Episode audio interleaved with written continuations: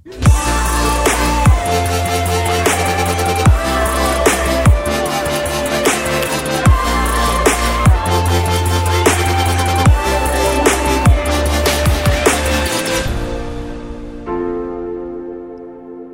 og velkommen tilbake til Høylytt med Victoria.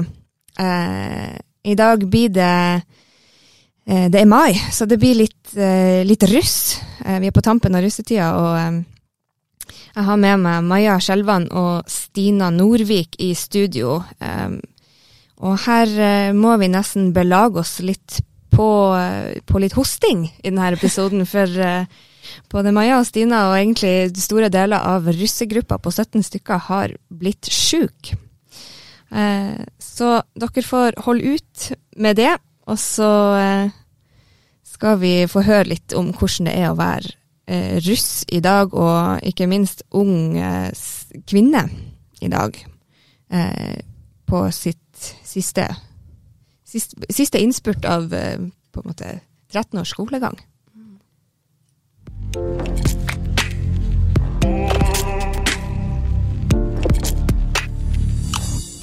Ja, Maja, dere har eh, blitt sjuk. Du sa litt eh, før vi begynte innspillinga at uh, her er det den feberen og den verste sånn sengeliggende biten har gått over. Hvordan er det nå for din del? Ja, nei, nå er det kun hoste og sår hals.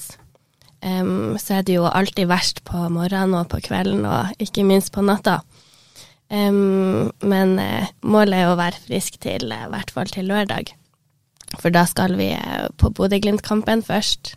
Og så er det den velkjente fyllekampen etter fotballkampen, hvor de to store guttegruppene skal spille fotball mot hverandre. Og da er det sånn at eh, hvis man eh, scorer, så er man nødt til å ha over én i promille for at målet skal bli godkjent. så da skal vi jentene dra og heie på guttene. Og så er det jo videre i campen etter det. Ja, det høres ut som en viktig dag å bli frisk til. Eh, Stina, hvordan, hvordan, er formen din? Den eh, begynner å bli bra, egentlig. Den, det er bare sånn her, ja, sånn som å sier, bare litt hoste og sånn. Ja. Men har du òg vært eh, full av feber og Ja, eh, men det, ja, det verste har gått over, så det går bra nå. Hvor mange i gruppa er det som ligger nede for telling nå? Oi. Ja. ja, jeg tror nå Prøver å tenke på hvem som ikke ligger nede ja, for telling. Det, ja, jeg tror de fleste. Ja. ja, det er vel kanskje to, to stykk som er heldige og er oppe og Er skåna for det her helvete her? Ja, ja, men da er det jo litt sånn hm, Hvor artig er det for de to å dra uten alle oss andre? Ja. Når vi ligger syke. Ja. Men hva, hva, har dere gått glipp av noe viktig? Mm, ja, jeg vil si at um, Fordi jeg, var, jeg har vært syk nesten nå i ei uke. Og fra tirsdag til onsdag så var det jo det vi kaller for elgvakt. Der man skal være i campen fra ca. klokka seks på ettermiddagen til seks på morgenen. Det er liksom en russeknute. Um, og det er jo ikke så mange som får til det, for det er jo ganske tøft. Og det fikk jo ikke jeg være med på. Da lå jeg inne i senga, men det var hun Stina med på. ja, jeg hadde egentlig faktisk tenkt å dra hjem, men det var ingen som kunne kjøre meg, så um, jeg måtte slite igjennom. Men uh, det var nå gøy. ja, hva, hva man gjør på elgvakt nå?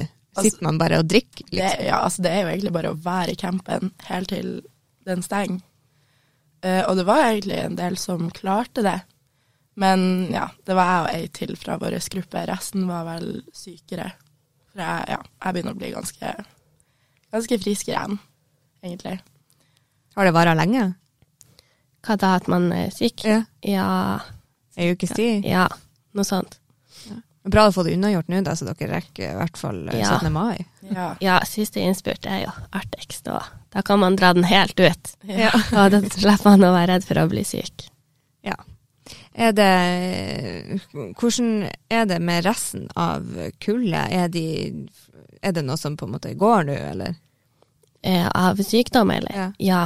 Det vil jeg si. Ja, det tror jeg òg. Tror de aller De er jo um, Denne uka så har jo um, Fordi det er jo foreldre som er vakta i campen.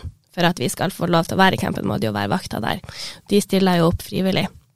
Og de tre siste dagene så har det jo nesten ikke vært noen i campen, fordi veldig mange er syke. Så da blir det lagt ut på en sånn Facebook-gruppe at eh, nå så sier liksom vaktene de foreldrene sier at hei, nå nå tar vi og stenger campen klokka sju, fordi nå dro den siste russen ut av campen. Ja. En Så- time etter den åpna, altså. Ja, det her var klokka sju, og campen åpna klokka seks. Oi. Ja. Så Ja. det Folk er litt redusert ja. Ja, jeg tror alle sparer seg Mm. til helga. Ja. Det høres ut som eh, langt viktigere ting skjer. Eh, er det mer igjen av eh, Altså, du, har, du nevnte de her, den kampen, eh, og så er det mer sånn store ting som er på programmet. Um, det er snakk om en eh, konsert, men jeg tror ikke den er helt spikra enda. Det er jo han em, han som hjelper alle gruppene å lage det vi kaller for hjemmesnekk. Der em, fire, fem, seks stykk fra gruppa drar i et studio, og gruppa har da skrevet en tekst. Og da er det ofte at man skal snakke opp om sin gruppe, og så skal man snakke ned alle de andre i gruppa. Så laga man en sang da, med han fyren i studio. Um, så det var snakk om at han skulle ha en konsert der han skulle spille alle sangene han har laga i år, og litt sånn tidligere sanger som er ganske store. Men uh, det er jo været og masse forskjellige andre faktorer som gjør at det ikke er helt spikra. Så ble det så seint planlagt at det, ja I forhold til eh, at det skjer andre ting i helga, og ja Russetida er jo ferdig neste uke. Da er det jo 17. mai. Da er russetida ferdig. Ja. Vi skal snakke litt om eh, hvordan uh, russetida har vært hittil, eh, og eh, litt andre ting seinere i episoden.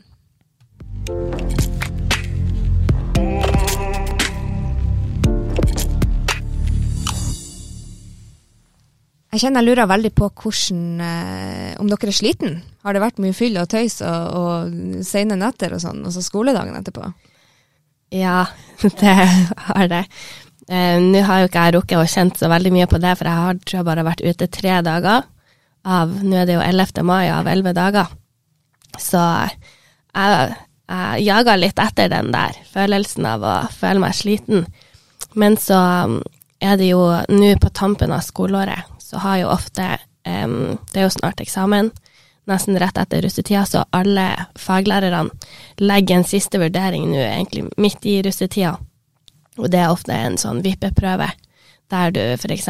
står mellom fire og fem. Så må du få fem på den prøven for å da få fem i standpunkt. Så hvis man da vil eh, videre inn på et studie og sånn, så kan det jo være greit å ikke ta den helt ut, og fokusere på det. Så det har jeg nå gjort i tre dager. Da har jeg valgt å vært hjemme og fokusert på skole. Så fornuftig. Ja, det er jo når man har eh, drømmer om eh, utdanning, så for meg så veier det litt mer opp enn fyll og fanteri. En 17 dagers periode, liksom, det er jo ikke like viktig som det du velger å gjøre de neste årene av livet. Så noen ganger må man jo bare Altså sånn det, det er ikke så mye man går glipp av på en vanlig kveld, ikke sant. Så Og det er mange år igjen med mye artig. Eh, jeg husker jo bare sjøl min egen russetid. Eh, så var det litt sånn her Det var veldig oppskrytt, og når det var eh, Nå var jo jeg kanskje litt sånn Jeg var veldig forsiktig når jeg var 18, eh, og torde ikke å stikke meg sånn ut, og holdt meg mye hjemme. Men, men jeg var jo en del med i Vi hadde jo camp ved eh, gamle svømmebassenget der, der det nå står ei blokk. Eh, og eh, i, i Rensåsen. Ja. Og der, eh, der var det jo full fart hver kveld. Eh, men det var liksom Russetida var ikke den store som man liksom går og planlegger fra man begynner på ungdomsskolen. Det, det har vært mye artigere fester etter, etter jeg ble 23, typ. ja. Ja, det er jo det de fleste sier, at, at 20-årene det er de beste. Og vi er jo 19 nå, og vi kan jo ikke kjøpe 40, for eksempel. Eller dra på 20-årssteder, sånne ting. Ja. Så det blir, det blir jo litt sånn begrensa, i hvert fall her i Bodø, syns jeg. Da er det ganske lite uteliv på oss under 20. Syns dere det er trasig, eller klarer dere dere med hjemmefest? Egentlig det er veldig greit. jeg syns det er koselig med litt sånn hjemmefest med bare folk man kjenner og sånn. Så blir det litt ekstra gøy når man reiser steder der de har 18-årssteder, og kunne dra ut der. Ja. Ja, det er jo, for det mangler vi jo. Vi hadde jo, når jeg var eh, 18, så hadde vi noe med 18-årsgrense her, men eh, det ble jo lagt ned eh, i stor grad fordi det var så dyrt å holde ved like knuste dass og sånn her, og så er det jo ikke så mye penger å hente ut av 18-åringer, så de kjøper ikke så mye ute. Ja. Så jeg vet ikke. Det er jo artig å treffe folk man ellers ikke treffer på de festene. det er man- sant. Eh, men, men det kan dere kanskje gjøre seinere. Eller jeg vet ikke hva dere tenker om det. Um, Bodø i mine øyne er en ganske liten by, så um, det fins jo ett 18-årssted, eller det er jo egentlig et 20-årssted, i Glasshuset der, det som heter Lucero. Der har de annenhver fredag har de 18-årsfeiring, eller hva man skal si. Da kan 18-åringer komme. Og det er jo greit, men fredag er jo ikke den optimale dagen, det er jo lørdag, og veldig mange har jo jobb på lørdag. Så da blir man jo begrensa og ikke kan ta den helt ut på en fredagskveld. Og siden Bodø er så liten by, så møter man jo så å si alle man ellers ville møtt på en hjemmefest. Så det blir jo litt mer det og Stina sier at ja, det er kanskje greit at det ikke er så mye uteliv her, og da blir det artigere å dra til andre byer. Vi har jo, jeg og Stina og ei til venninne, vi har vært i Trondheim i fjor sommer, for eksempel.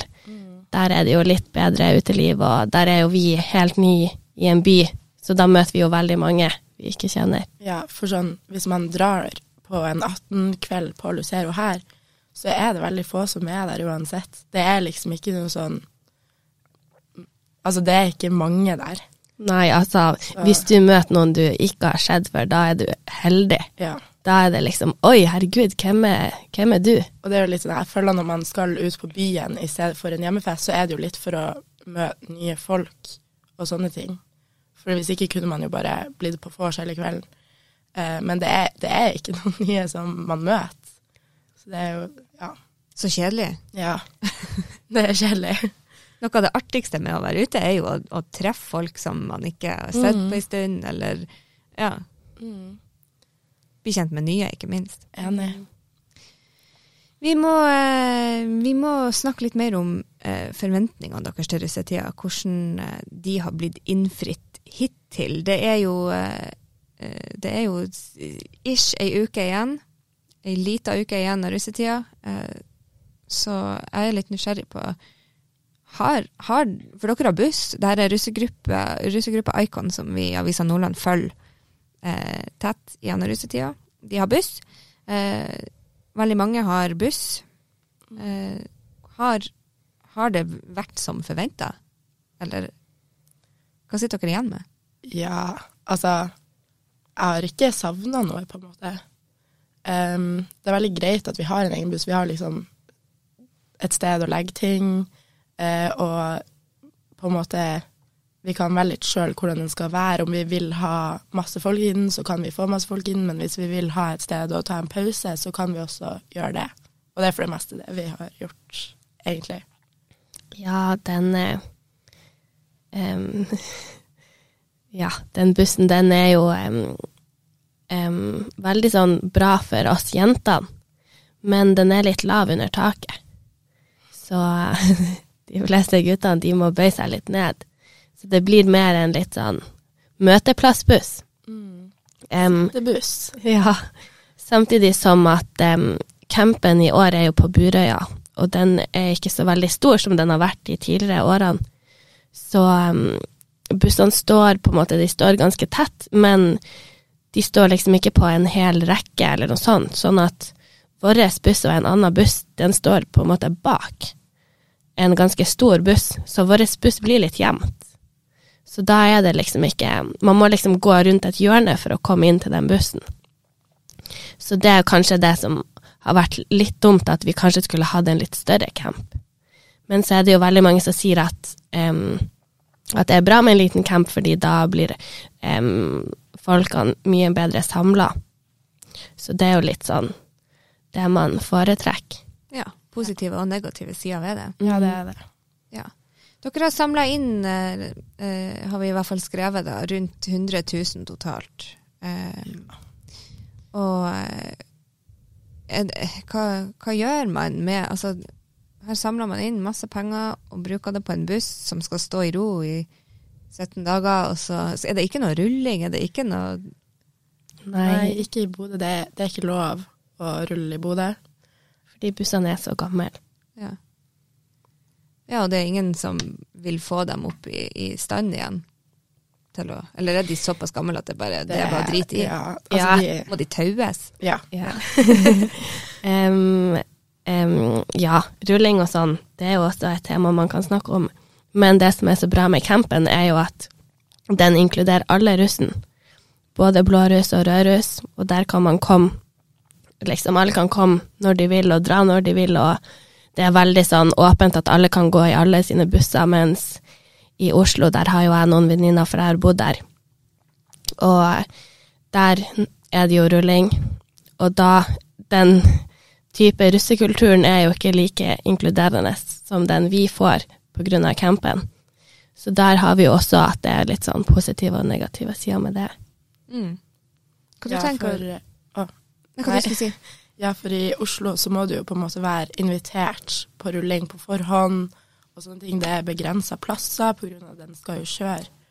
Mens her så er det sånn, det har ikke noe å si engang om du eh, altså ikke har en russegruppe. Det har ingenting å si for de som har bussene. Det, du får være med på samme måte som alle andre, liksom. Og det er ikke noe press på, på å ha buss heller, på en måte. Alle får liksom være med. Jeg syns jo det høres ut som det beste alternativet. da. Ja, det, det syns jeg òg, for det er liksom Det er mye penger. Og eh, sånn som i Oslo, så er det jo enda mer penger. Så i Oslo er det både høyere press på å ha buss i det hele tatt og være på gruppe, men samtidig å, å ha noen å være med hvis du ikke er på gruppe. Ja, da blir man veldig sånn ekskludert. Og, og det kan man jo merke litt her i Bodø også, at eh, før russetida, hvis vi hadde sånn arrangement og sånn, så var det jo veldig sånn Å ja, vi inviterer den gruppa og den gruppa og den gruppa. Og så glemmer man av at liksom, det er jo ikke alle som er i en gruppe. De blir litt glemt av. Mm. Og det er jo kanskje litt lett å, å glemme andre som man ikke er så god venn med. Skolene Ja. er jo store, og, og kullene er store.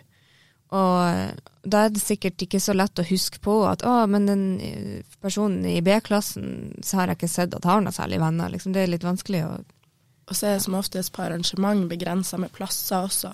Det gjør det jo litt vanskelig, å, fordi man må, man må sitte og velge. Og det Ja. har i hvert fall vi hadde litt kjipt med når vi prøvde å ha et sånt arrangement, men det endte opp med at det ikke ble noe av, for det var for få plasser. Og ja, det var, men det var lenge siden, da.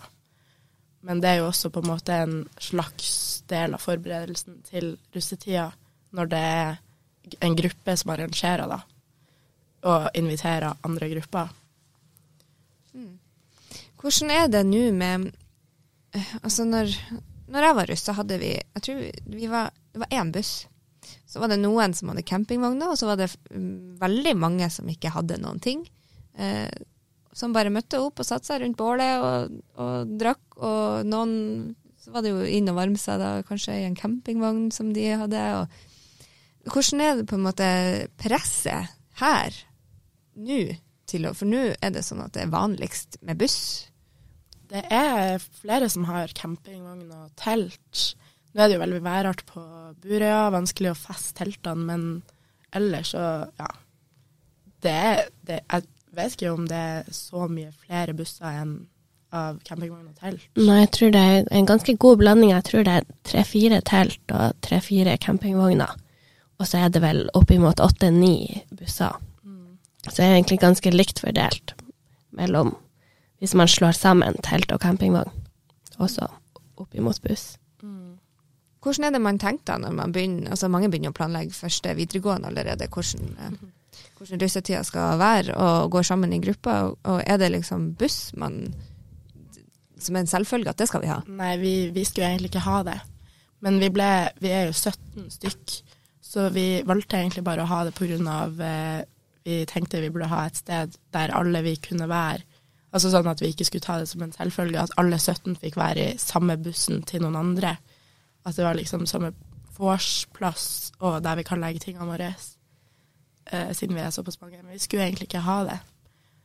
Nei, jeg tror det, altså gruppeantallet, det er egentlig det som avgjør om gruppa har en buss eller ikke. Ja.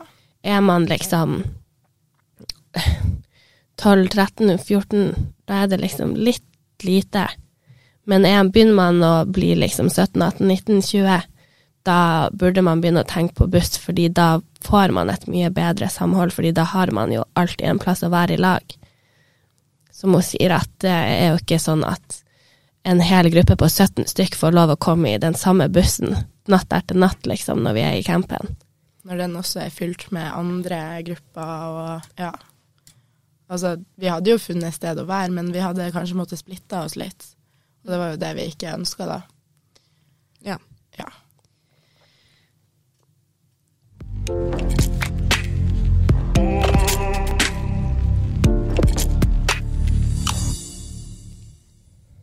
Og så lurer jeg jo på eh, hvordan er det med sånne her eh, kommentarer fra voksne som har helt glemt av hva man prioriterer når man er 18-19 år, og hva man eh, Altså hva som er viktig i livet. Er det mye sånn eh, å herregud, dere eh, prioriterer helt feil, og kom dere på skolen, og ikke syt over at dere altså, det ene og det andre. Hvordan er responsen fra utenforstående?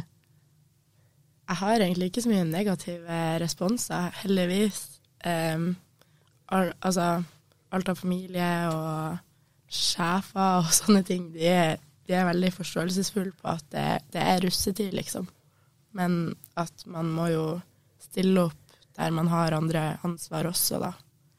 Så ja, altså stille opp på jobb for det om Gjør jo vurderingene for det om sånne ting. Så de har ganske stor forståelse ellers på at man kan være sliten og sånn. Jeg tror den negativiteten, den kommer nok mer fra de som Ja, de som kanskje ikke har barn, eller vet hvordan det er. Fordi jeg har også opplevd at familien er veldig sånn positiv og muntra opp og 'Å, skal jeg kjøre deg dit?' og 'Jeg kan komme og hente deg', og er veldig positiv. Men jeg, jeg kommer på en hendelse for noen dager siden da vi var i ei rundkjøring. At med politihuset, det er jo en russeknute. At man står i rundkjøringa, og ofte har man plakater hvor det står 'tut', 'skål' og sånn. Så sto vi nå der og lagde jo masse liv og masse, masse biler som tuta. Så kommer det en en mann ganske sånn En eldre mann, kanskje i 60-årene, som går forbi og begynner å rope etter oss, og nei, her måtte vi komme oss bort, og hva er det vi gjør, og vi var en forstyrrelse for samfunnet, og, og her hadde vi ingenting å gjøre. Han skulle anmelde oss, men vi, vi hadde jo masse politibiler som kjørte forbi, og Og blinka med blålys og ja. Sånn, det var helt greit, liksom. Ja, så jeg kjenner jeg lurer litt på sånn som han mannen her. Hvor har han vært i sine 60 leveår? Har ikke han sett russ i rundkjøringa hvert jævla år? Altså, hva, Ja, enten ikke, eller kanskje litt for mye av det. ja. Kanskje han bor rett ved og har vært Ja. dritlei av tuting. Det kan godt hende.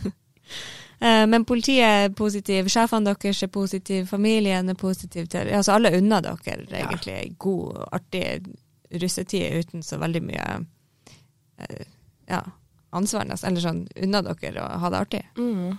Men det er jo godt å høre. mm. Det er ikke sikkert ikke alle som har det sånn. Eh, og så lurer jeg jo på, da, når vi nå er inne på politiet, har det vært noen hendelser i campen som politiet har vært nødt til å involvere seg i? Jeg vet ikke om jeg vet nok om det. Men det har jo vært politi innom, men skal ikke, skal ikke si noe jeg ikke vet noe om, på en måte, om det. Nei, det, det er jo litt sånn Vi har jo ikke så mye vi kunne ha sagt, men jeg tror nok det skal gå greit å si at det er jo noen som har um, Eller vi har jo to band som er beviset på at vi er russ, og beviset for at vi får komme inn i campen. og da er det jo forskjellige regler som man må følge for å få lov å være i campen. Så er det Gjør man liksom en liten feil, så er for eksempel at man sier noe slemt, og så hører en vakt det, ikke sant, da, da klipper de av det ene båndet. Så har man liksom fått en advarsel. Um, men gjør man noe mer alvorlig, som å f.eks.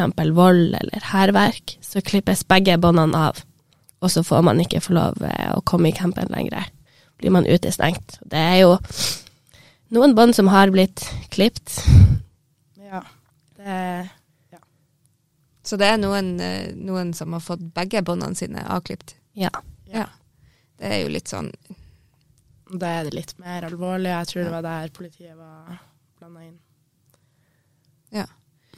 Men eh, var det noen som fikk klippet av båndene sine første dagen? Det her var vel første dag. No. Ja. ja, men da blir det litt sånn det, Man har jo regler for en grunn, og man skal jo følge dem, så det er ikke så veldig synd på de personene. Nei, Nei, i grunnen ikke. nei det, var, det, var nok, eh, det var nok fortjent å få de klippet. Det var det. Ja. Det er jo bra.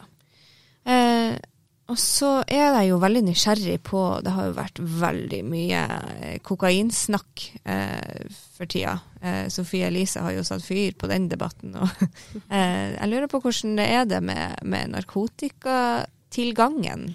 Eh, vet alle liksom hvor de skal gå hvis de skulle ønske seg å prøve noe?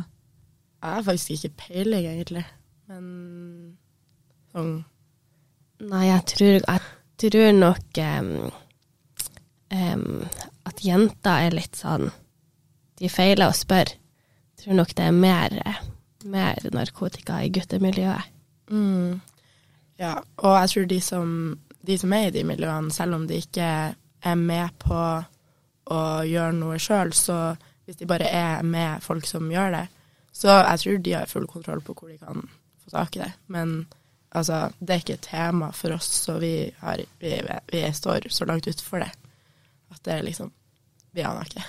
Mm. Nei. Ja, for når vi skriver sånne saker om at ja, økning i antall og bla, bla, bla, så Mm. kan jo leserne våre få et inntrykk av at nå er det her blitt kjempevanlig. Og mange, jeg hører jo mange ganger når det her diskuteres på fest eller sånn, så er det, så, så er det sånn at folk sier at ja, nå er det her blitt eh, Det er flere folk som røyker hasj og tar kokain enn hva det er folk som drikker på fest. ikke sant? Og, og så Man kan sitte igjen med et inntrykk av at eh, det har blitt altså, sånn sykt ille eh, blant ungdom. Ja, altså Det er jo, det er jo større grupper sikkert som gjør det nå. Eller sånn, jeg vet jo ikke hvor mye det var før, men eh, jeg har jo hørt mye om at det har blitt mye mer de siste årene. Eh, og det har vel kanskje ikke vært så mye kokain i Bodø tidligere, men mest i Oslo-området og sånne ting. Ja, de store byene. Ja. Mens, mens nå er det jo. Det er jo folk her som gjør Altså, som tar kokain. Men ja, jeg har egentlig ikke så god oversikt over hvor mange av liksom alle. Jeg vet bare at det, det er jo noen som gjør det hver helg, og noen som aldri har gjort det, ikke sant. Ja. Er det folk som, eh, som kommer og tilbyr sånn her, vil du prøve det her? Hvordan er den biten? Jeg tror faktisk det ikke er så veldig sånn et problem, fordi em, Eller da Jeg ser for meg at de som tilbyr, de må jo være ganske sikre på at de de tilbyr, kommer til å takke ja. Fordi takker de nei, så er det jo fort, eh, fort sånn at de, de kan gå og si at oi, han, han der eller hun der tilbød meg, fordi narkotika er jo helt forbudt i campen så blir noen tatt med det, så er det jo rett ut. Da klippes jo begge båndene.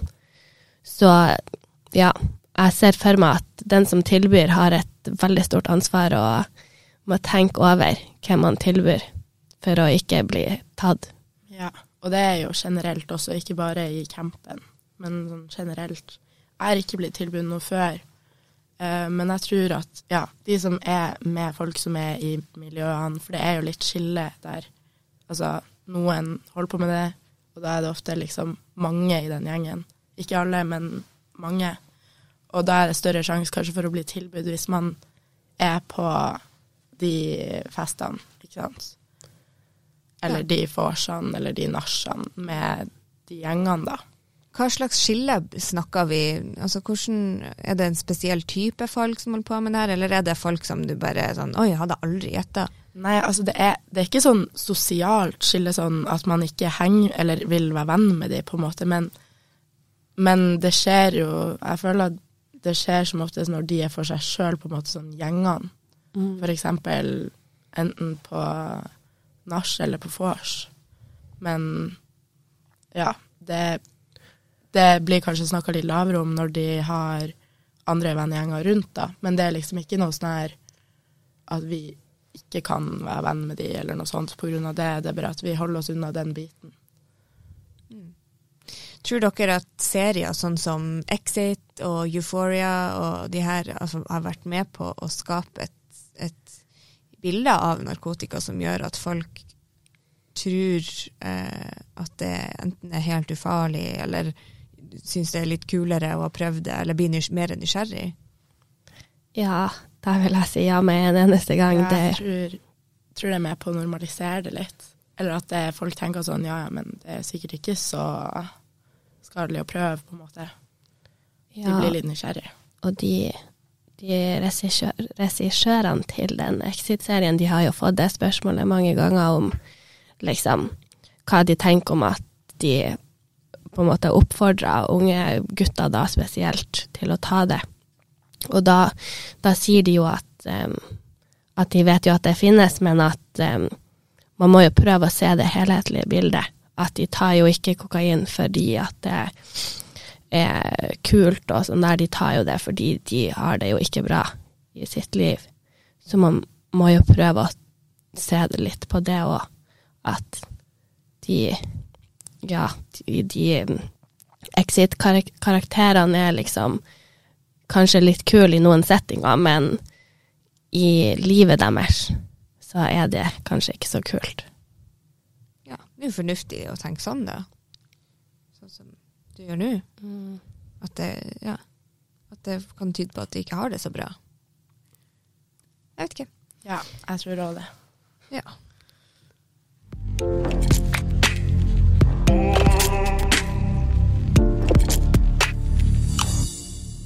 Nå skal dere inn i siste uka av Eller dere er inne i siste uka av russefeiringa, og eh, mange er sjuke. Og eh, jeg lurer litt på om eh, dere eh, har eh, Hvordan dere samler dere da nå mot innspurten? Gjør dere noe spesielt nå? Er det sånn alle gønner på med C-vitamin for å bli friske, og så dere kan virkelig dra på?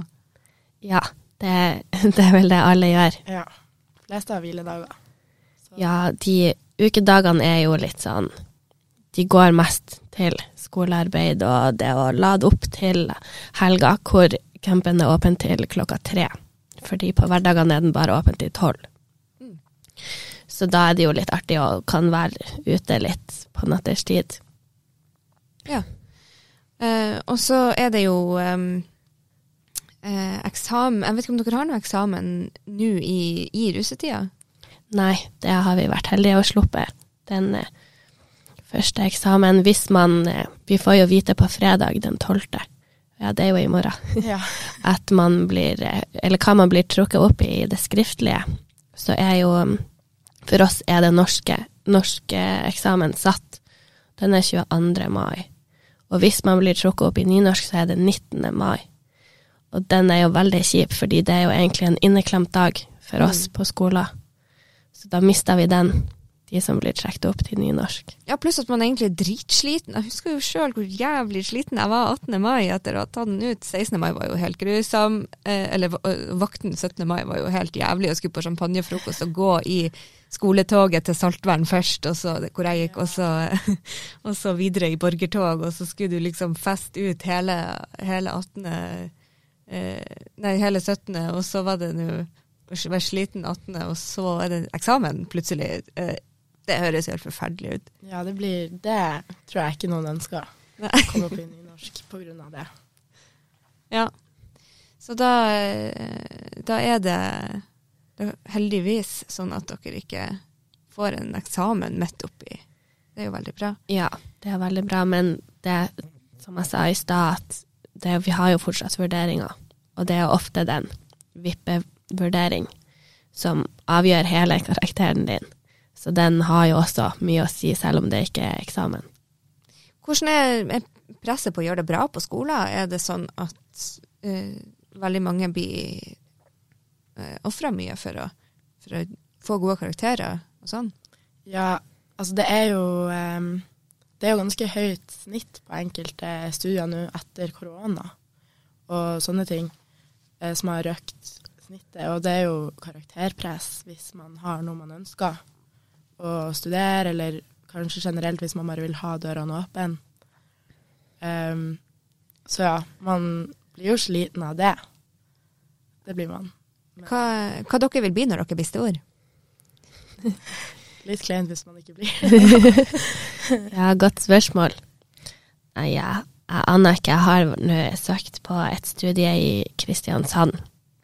Sånn eh, to studier, ett sånn markedsføringsstudie og ett økonomistudie. Så forhåpentligvis noe innenfor det. Da kan man jo jobbe i mange forskjellige bransjer. Mm. Ja, eh, jeg skal eh, studere året etter, eller høsten etter, og da skal jeg søke inn på psykologiprofesjon.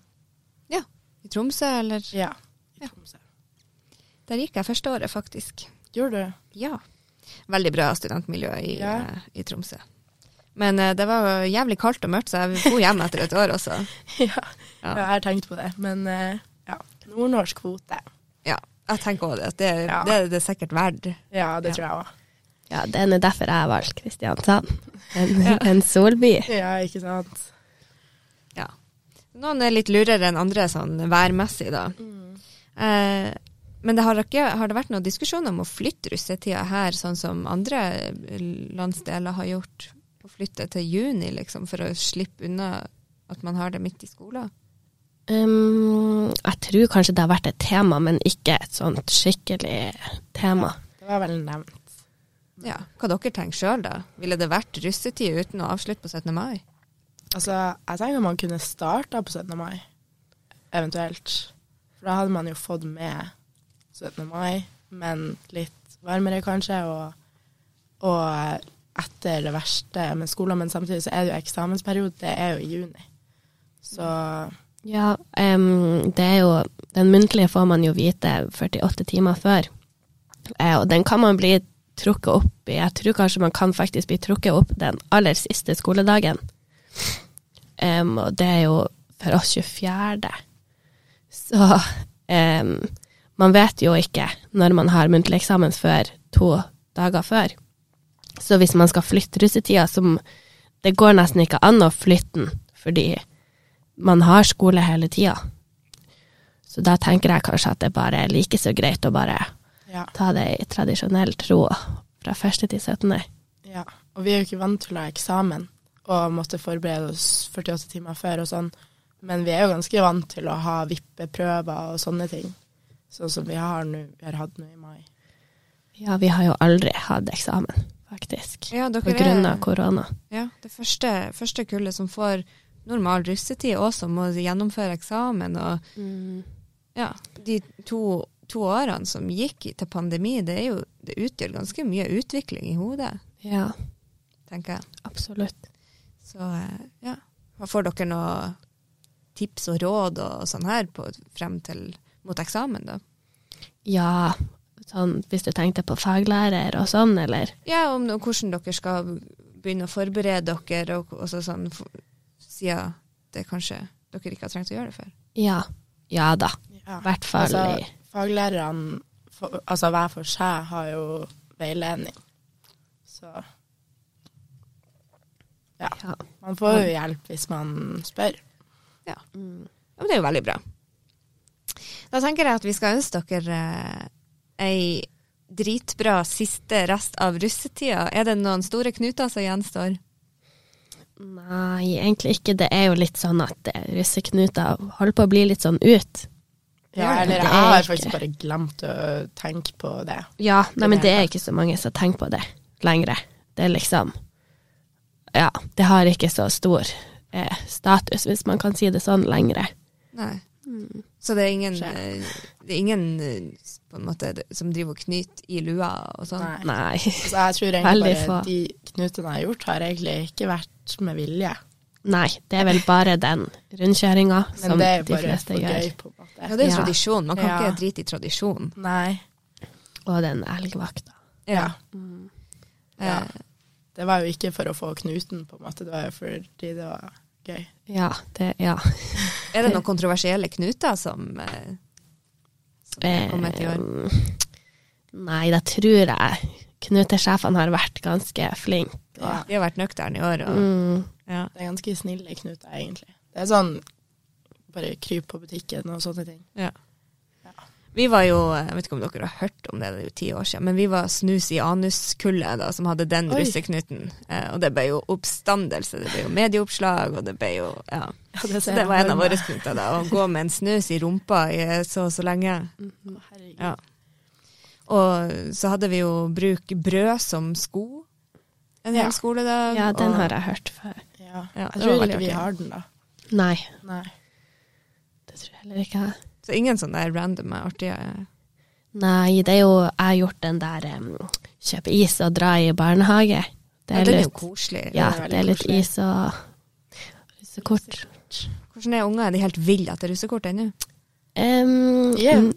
Klistremerker. Ja, nå er det klistremerker som har blitt inn. Å, Det, det, de kommer opp og spør hei, har du klistremerke, og sier du nei, da får du tidenes blikk fra åtte-niåringer. Og så er de sånn OK, har du russekort, da?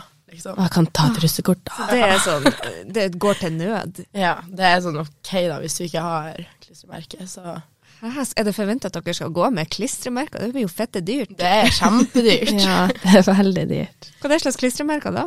Altså, Da er det med logoen til Icon. ja. Um, og da er det jo litt sånn De som da ikke har en gruppe, de har jo åpenbart ikke klistremerker. Ja, det, det tror jeg hadde vært litt kjipt hvis jeg hadde ikke hadde en russegruppe, og så hadde alle unger hele dagen spurt om klistremerket. Ja, fordi vi sier jo 'å nei, vi har hjemme', liksom. Mens det er jo folk som faktisk ikke har. Hva gjør de med klistremerkene? De fleste tror jeg bare tar den på telefonen Jeg eller på folk, eller eh, unger som har det på sykkelhjelmen sin, og Jaha. Det er jo helt uh, Nå ble jeg faktisk litt sånn eh, Ja, men det er mange det som. Ja, men det er mange som spør om russekort, og jeg syns, jeg syns det er veldig koselig, egentlig. Det kommer unger. Ja, fordi russekortene, det er jo det som på en måte er litt personlig. Ja. De klistremerkene er jo bare klistremerker. Ja.